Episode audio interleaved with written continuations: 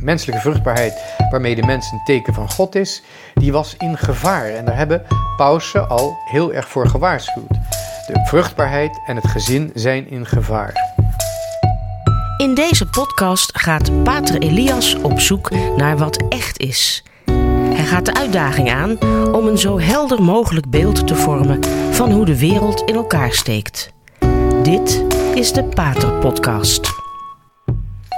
In deze laatste van drie uitzendingen voor de zomer, waarin ik wil stilstaan bij het grote probleem van of rond de vruchtbaarheid in onze westelijke samenleving en de steriliteit, de kunstmatigheid van de, ja, de middelen waarmee seksualiteit ofwel wordt voorkomen of zelfs tegengegaan, of juist um, wordt geforceerd. De techniek is nu in staat om een beslissing, een ingrijpen van God te forceren met alle technieken van de ehm, IVF, de in vitro fertilisatie, de kunstmatige bevruchting. Wanneer we daarbij stilstaan, zien we dat er een hele, um, ja, een heel, hele diepgaande implicaties zijn van dit gebruik van techniek um, in de menselijke seksualiteit. In feite neemt de mens, doordat de techniek doordringt in de oorsprong van het menselijke bestaan, het menselijke leven, dringt ze ook door in onze hele visie op het menselijk bestaan, op ons leven. De mens dreigt een product te worden van de techniek en ook voor de techniek. En het religieuze aspect komt daarbij volledig op de achtergrond te staan. Terwijl de gave van het leven, het kosteloze van het leven en daarmee ook het werkelijke geluk van het leven niet, onlosma niet los te maken zijn, dus onlosmakelijk verbonden zijn met onze religieuze visie, met onze religie, het herverbinden met God, onze schepper. Ga je dat ontkennen? Ja, dan is de weg vrij voor techniek.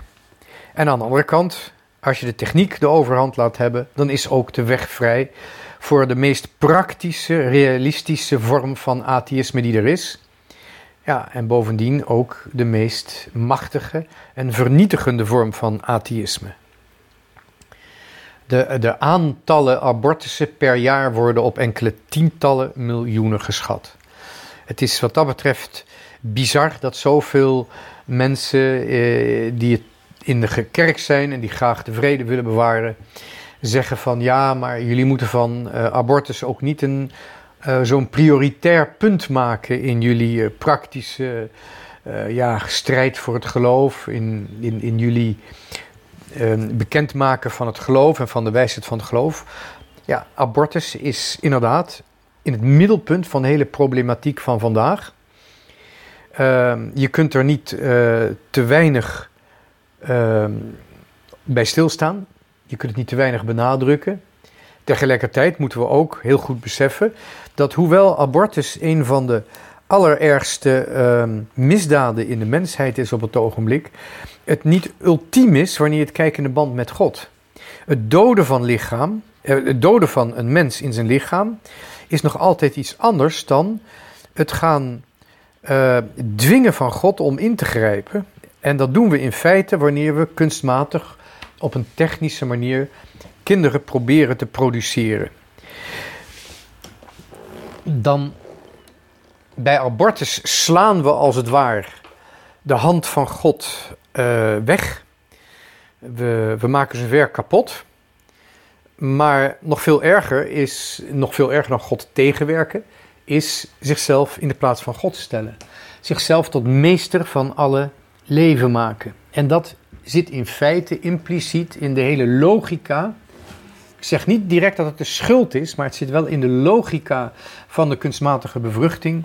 Dat de mens zich ja, in, in, in, um, in het, op de troon van God zet. Dat betekent helemaal niet dat we bij de uh, medische hulp aan mensen die moeilijkheden hebben om kinderen te krijgen, dat we niet zouden mogen ingrijpen. Ja, uiteraard zijn er medicijnen, misschien zelfs operatieve ingrepen om uh, de vruchtbaarheid van de vrouw te herstellen, of te genezen, of te repareren. Maar de kunstmatige bevruchting is, is heel iets anders. Het is het verwekken, het is het, het nabootsen, eigenlijk het van God afpakken van de schepping van de ziel op een kunstmatige manier. En dan is opeens is ten eerste de intimiteit van het uh, echtpaar, de ouders, is doorbroken. Door die tussenkomst van de techniek, door de medewerking van ja, bijvaders en bijmoeders vanuit de medische wetenschap. Um, maar de verantwoordelijkheid is ook op een hele vreemde manier verdeeld. Maar wat het allerergste is, het kind is niet meer ontvangen als een gift van God. Dus natuurlijk mag de medische wetenschap zich bemoeien met de zwangerschap. Dat is maar goed, ook. Er kan een heleboel vervelende dingen kunnen, uh, voor, uh, kunnen worden voorkomen. Maar het ontstaan van het leven zelf zal de mens nooit mogen afpakken van God. En in het kader daarvan is de, het klonen is ook iets heel bijzonders. Want wanneer een, uh, een, man zich kloont, dan heeft hij een vrouwelijke eicel nodig als plaats van het embryon. En het embryon zal dus uh, geheel op de man lijken. Dat is helemaal uit zijn genetisch materiaal opgebouwd of, of, of is daaruit voortgekomen. En de eicel van de vrouw heeft alleen maar als plaats gediend. Terwijl als de vrouw zich kloont, dan krijgen we iets heel uh, bijzonders. De vrouw heeft geen uh, ja, andere eicel nodig, die produceert ze zelf. En daar kan ze dus haar eigen uh, materiaal in stoppen. Uh, genetisch materiaal. Met andere woorden, van de vrouw kun je een perfecte kloon maken op een perfecte manier. Terwijl je van de man kun je ook een perfecte kloon maken, maar op een onvolmaakte manier. Namelijk, er moet toch een eicel bij gebruikt worden, ook al um, brengt de vrouwelijke kant helemaal geen, enkele, geen enkel uh, erfelijk materiaal in. Dus het is heel merkwaardig, maar althans volgens de stand van de wetenschap, uh, enige tijd geleden nog, dat eigenlijk uh, de vrouw voor de keuze staat of haar eigen kloon te maken en dan lijkt ze op God, of de kloon van een man te maken, of daaraan medewerking te verlenen. En dan moet zij zichzelf wel als moeder eigenlijk vermoorden of, of uitschakelen, omdat ze zelf niets aan het kind geeft, behalve het een plaats geeft. Dus de man heeft eigenlijk maar één keuze, of hij heeft maar één mogelijkheid. Hij kan met een vrouwelijke eicel kan hij zijn eigen beeld maken. En de vrouw kan of een kloon van de man maken, die haar eicel nodig heeft, of een kloon van zichzelf maken en dan heeft zij helemaal niks nodig. En het gekke is, wanneer ik hier kijk naar een metafoor, en het is ook alleen maar een metafoor, niet meer, maar ook niet minder. Als ik kijk naar een metafoor, zie ik dus dat hier eigenlijk, wanneer ik kijk naar het begin van de geschiedenis, dat ik hier um, ja, eigenlijk weer iets terugzie uit het begin van de menselijke geschiedenis. Namelijk, als de man alleen maar zijn kloon kan maken door, um, door de eicel van een vrouw te nemen, en dat is de enige mogelijkheid die hij heeft, dan zie je dat eigenlijk de duivel ook, en nogmaals, het is een, het is een beeldspraak, het is een, een, een, uh, het is een metafoor, maar die dat klonen van de man is eigenlijk een soort van metafoor van wat de duivel zou willen. Als hij zijn beeld wil maken, als hij een evenbeeld wil maken, dan kan hij dat niet op zichzelf. Hij heeft de mens nodig. Dus net zoals de man een vrouw nodig heeft om toch zijn eigen kloon te maken, kan hij het niet zonder de mens. De duivel is niet een drie-ene engel zoals God drie-een is. De duivel heeft niet in zijn eeuwige leven, in zijn eeuwige zijn, een zoon zoals God dat heeft. De duivel is duisternis, de duivel is alleen. Hij heeft zelfs geen tweede persoon. Uh, maar God heeft drie personen in zijn heilige uh, drie-eenheid, in zijn eeuwige licht.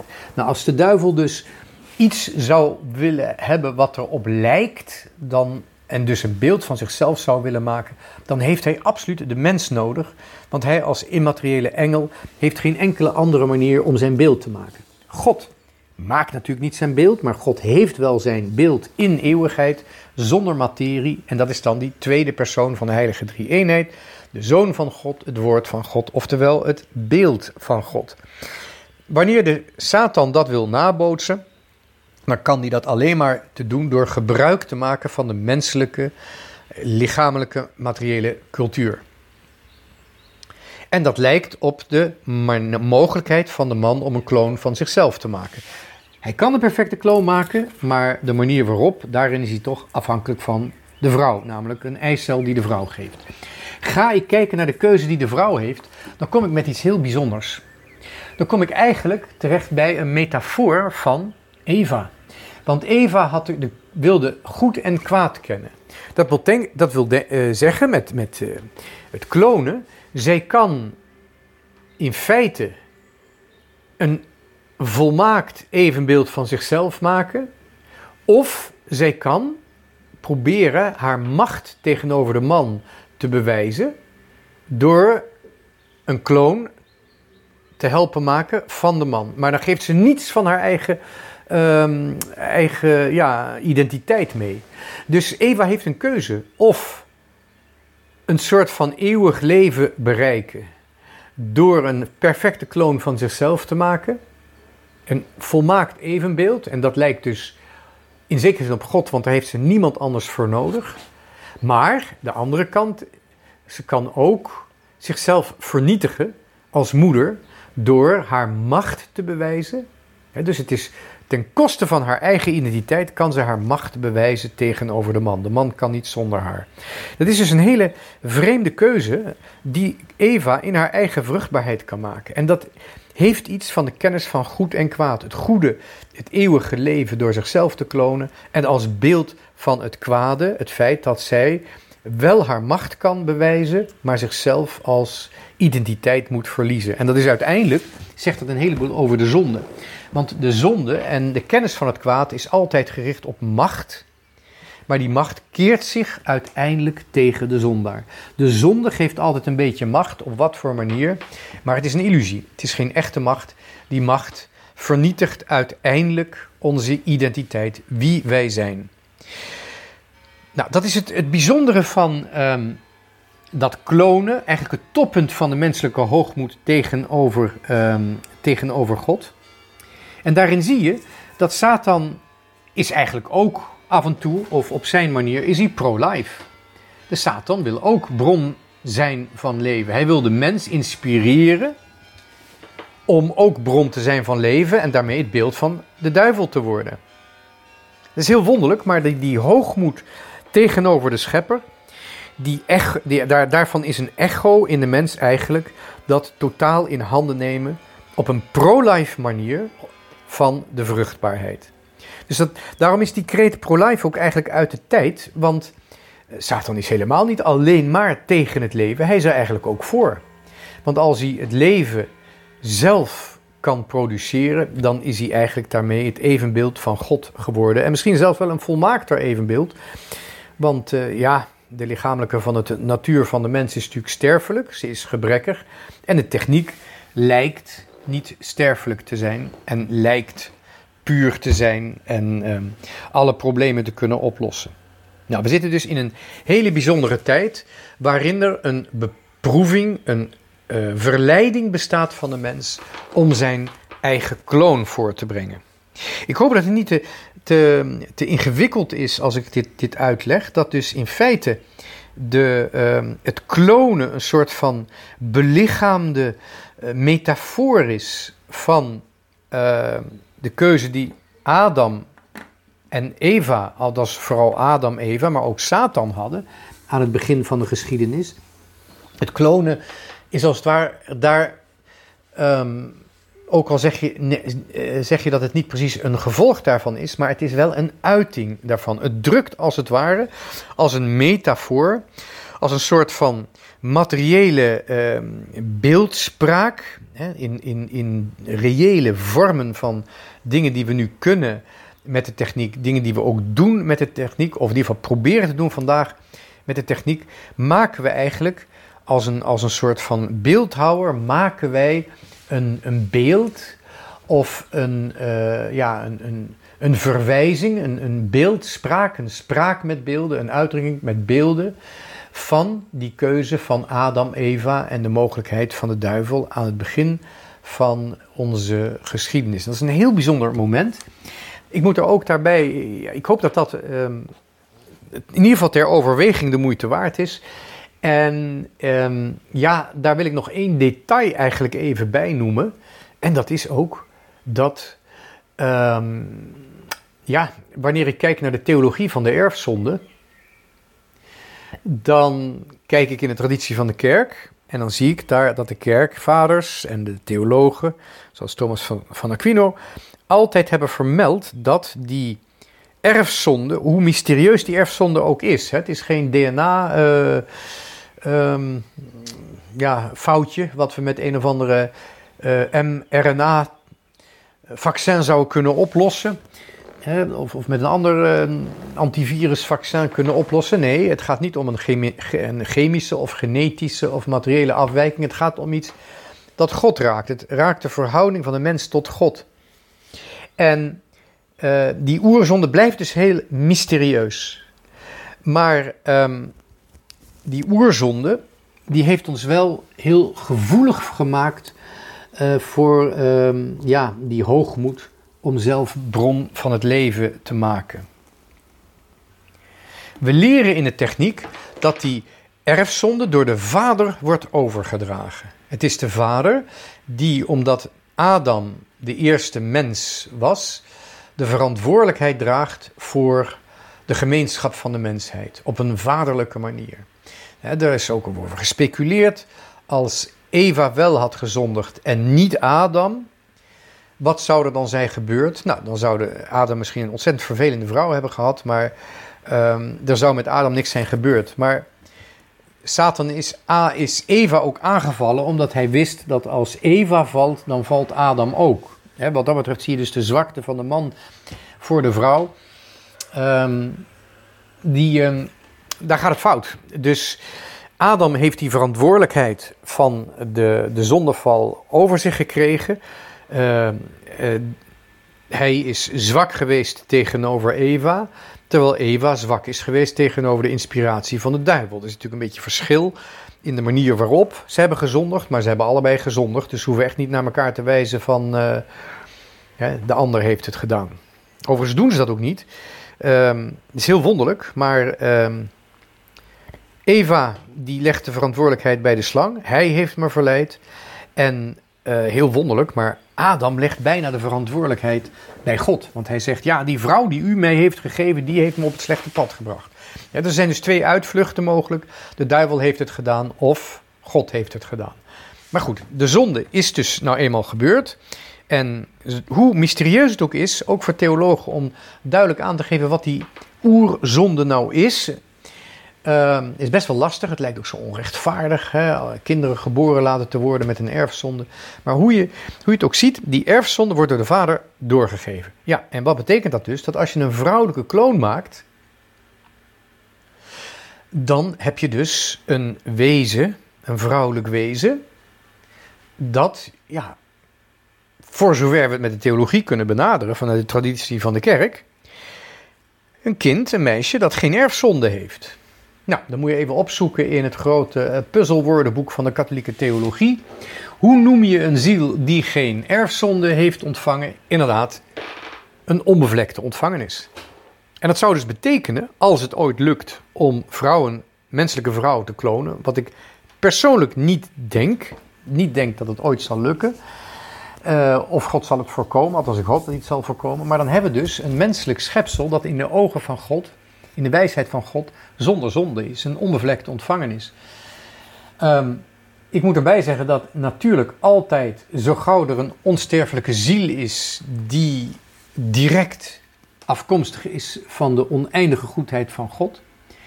Dus de manier waarop wij in deze wereld verwekt zijn, uh, maakt niets uit voor de waardigheid van ons leven. En dat moeten we echt met nadruk zeggen bij alles wat ik nu zeg.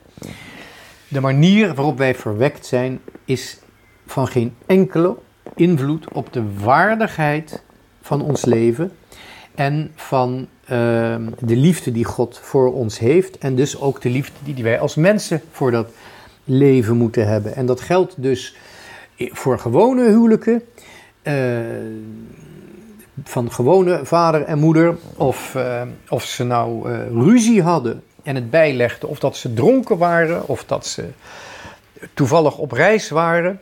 Het geldt voor verkrachtingen. ook voor verkrachtingen, hoe pijnlijk het ook is. Het geldt voor uh, kunstmatige bevruchting altijd. Zo gauw er sprake is van een menselijk wezen dat ontstaat, een menselijke persoon, dan heeft hij een onsterfelijke ziel en dan is hij door God gewild. Dat moeten we benadrukken. Iedere levende ziel, ieder levende mens is oneindig bemind door God en heeft een waardigheid die door God absoluut compromisloos, compromisloos wordt bevestigd. Maar terwijl we dat met nadruk zeggen, kunnen we wel herkennen in die bekoring om een vrouwelijke kloon te maken. Ja, op de achtergrond zit er een hele vreemde bekoring in, namelijk om een onbevlekte ontvangenis te imiteren.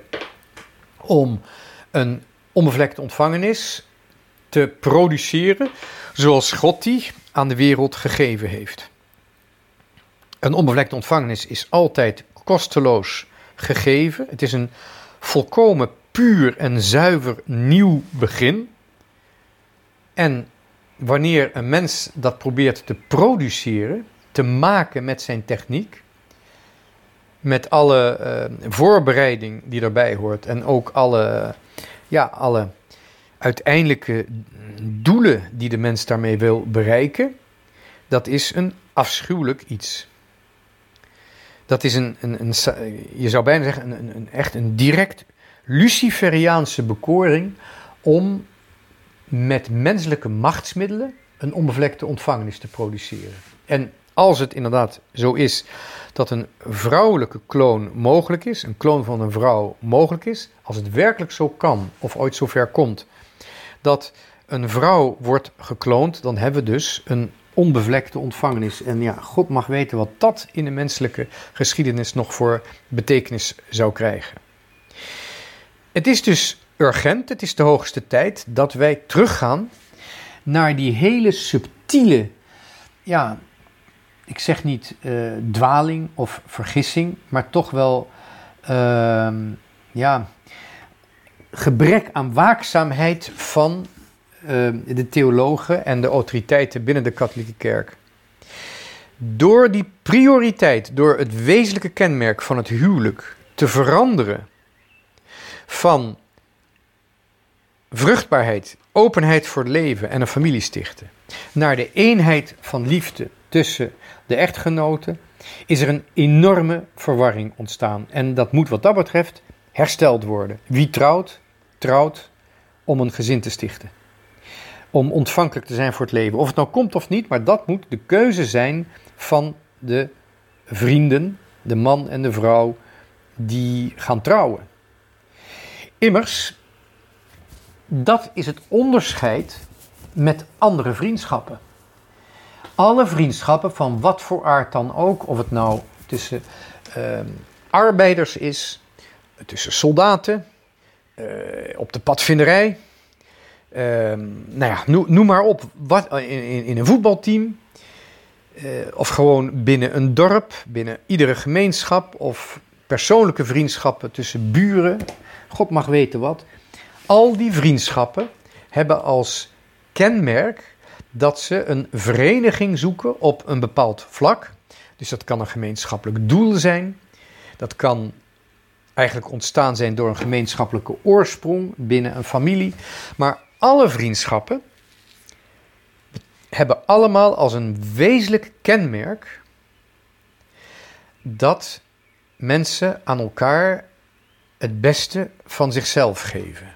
Als wezenlijk kenmerk dat ze ook elkaar willen accepteren zoals te zijn. Als wezenlijk kenmerk dat ze een gezamenlijk doel willen bereiken. Een communio, een gemeenschap. Dat is een wezenlijk kenmerk van alle vriendschappen. Alleen, waarom is er een vriendschap die een sacrament krijgt?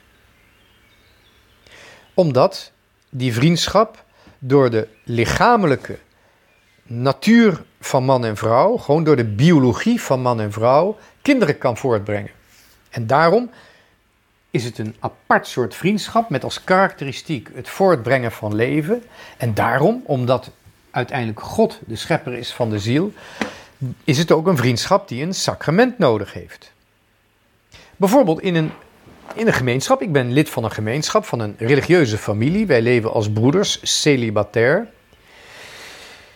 Wij hebben een gemeenschappelijk doel.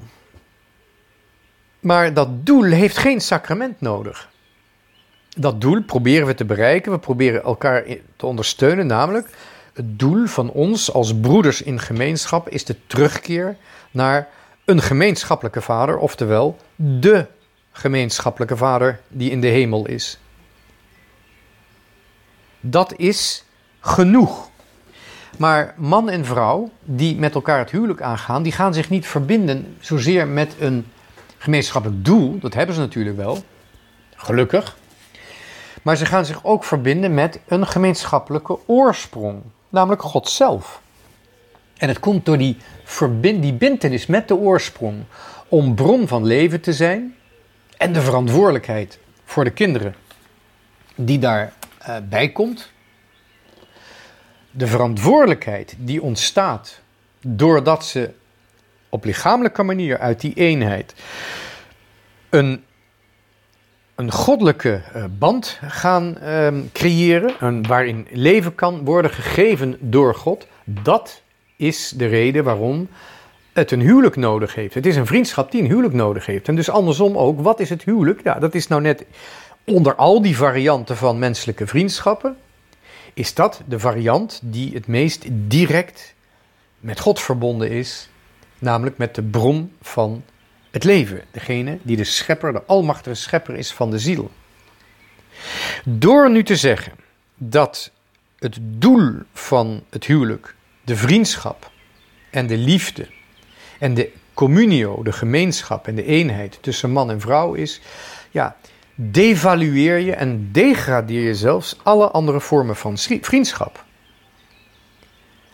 Want die zijn dus anders. Blijkbaar is dan bij andere vriendschappen, als het wezen van het huwelijk, het de eenheid en de liefde is, ja, dan zijn die andere vriendschappen dus minder. Dan is daar niet het wezenlijke van liefde en eenheid. Terwijl dat is gewoon niet waar. Andere vriendschappen hebben ook als wezenlijk kenmerk de liefde en de eenheid, ook al is die eenheid anders. Die eenheid wordt op een andere manier, uh, krijgt die vorm, die heeft een, een andere, een andere uh, een, een doelgerichtheid. Die is anders gericht, maar het is ook echte vriendschap. Nou, dat is dus een van de dingen die zeer urgent moeten gebeuren. En die zijn ook eigenlijk onduidelijk geworden in die tijd van het Vaticaans Concilie. En daar wil ik uh, graag mee afsluiten, want het is, wanneer je de tekst van het concilie bekijkt, dan zie je dat die, uh, die twee dingen van het huwelijk, namelijk de finaliteit of de doelgerichtheid van het huwelijk, is het stichten van een familie en het ontvangen van het leven. En daar een direct, het eerste directe gevolg van, eigenlijk niet het wezen, maar wel een eigenschap van het huwelijk, is natuurlijk de liefde en de eenheid die op andere manieren bij andere vriendschappen hoort. Dat is bij het eh, Vaticaans Concilie, in die teksten zie je dat omgekeerd. En het betekent ook dat in die uh, seksuele revolutie, die uh, in de zestiger jaren vooral uh, doorbrak en, en algemeen werd, de kerk niet zozeer op een dwaalspoor was, en dat, zover wil ik zeker niet gaan, maar wel verzwakt. De kerk kon geen weerstand bieden tegen de seksuele revolutie, omdat ze in feite in die documenten van het concilie niet duidelijk was geweest over wat het gezin is, wat het huwelijk is. En vandaar dat toen Paulus VI zijn encycliek Humani Vitae uitbracht, het eigenlijk al te laat was. Er was te lang getwijfeld. En Paus, Paulus VI maakte ook een vertwijfelde indruk. Dat kan me heel goed voorstellen. Ik ben er, heb er alle begrip voor omdat in die conciliaire teksten eigenlijk al, um, ik zeg niet de fout was gemaakt, ik zeg niet eens de verwarring was gezaaid, maar de weekheid was wel doorgedrongen. De kerk, kerk had helderheid um, ingeleverd, had ze verloren. En dat is iets wat we echt even moeten bekijken. De kerk in het Vaticaans Concilie gebruikt de term de tekenen van de tijd moeten we zien. Ik weet niet of dat de eerste keer is geweest dat een concilie het heeft over de tekens des tijds. Maar um, daar heeft het concilie het vaak over. En het, voor mij het meest paradoxale van het concilie is, is dat nou precies in dat concilie het belangrijkste teken van de tijd niet werd doorzien.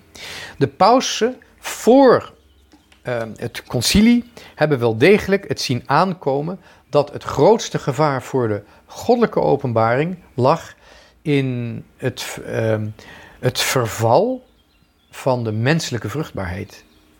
Menselijke vruchtbaarheid, waarmee de mens een teken van God is, die was in gevaar. En daar hebben pausen al heel erg voor gewaarschuwd. De vruchtbaarheid en het gezin zijn in gevaar.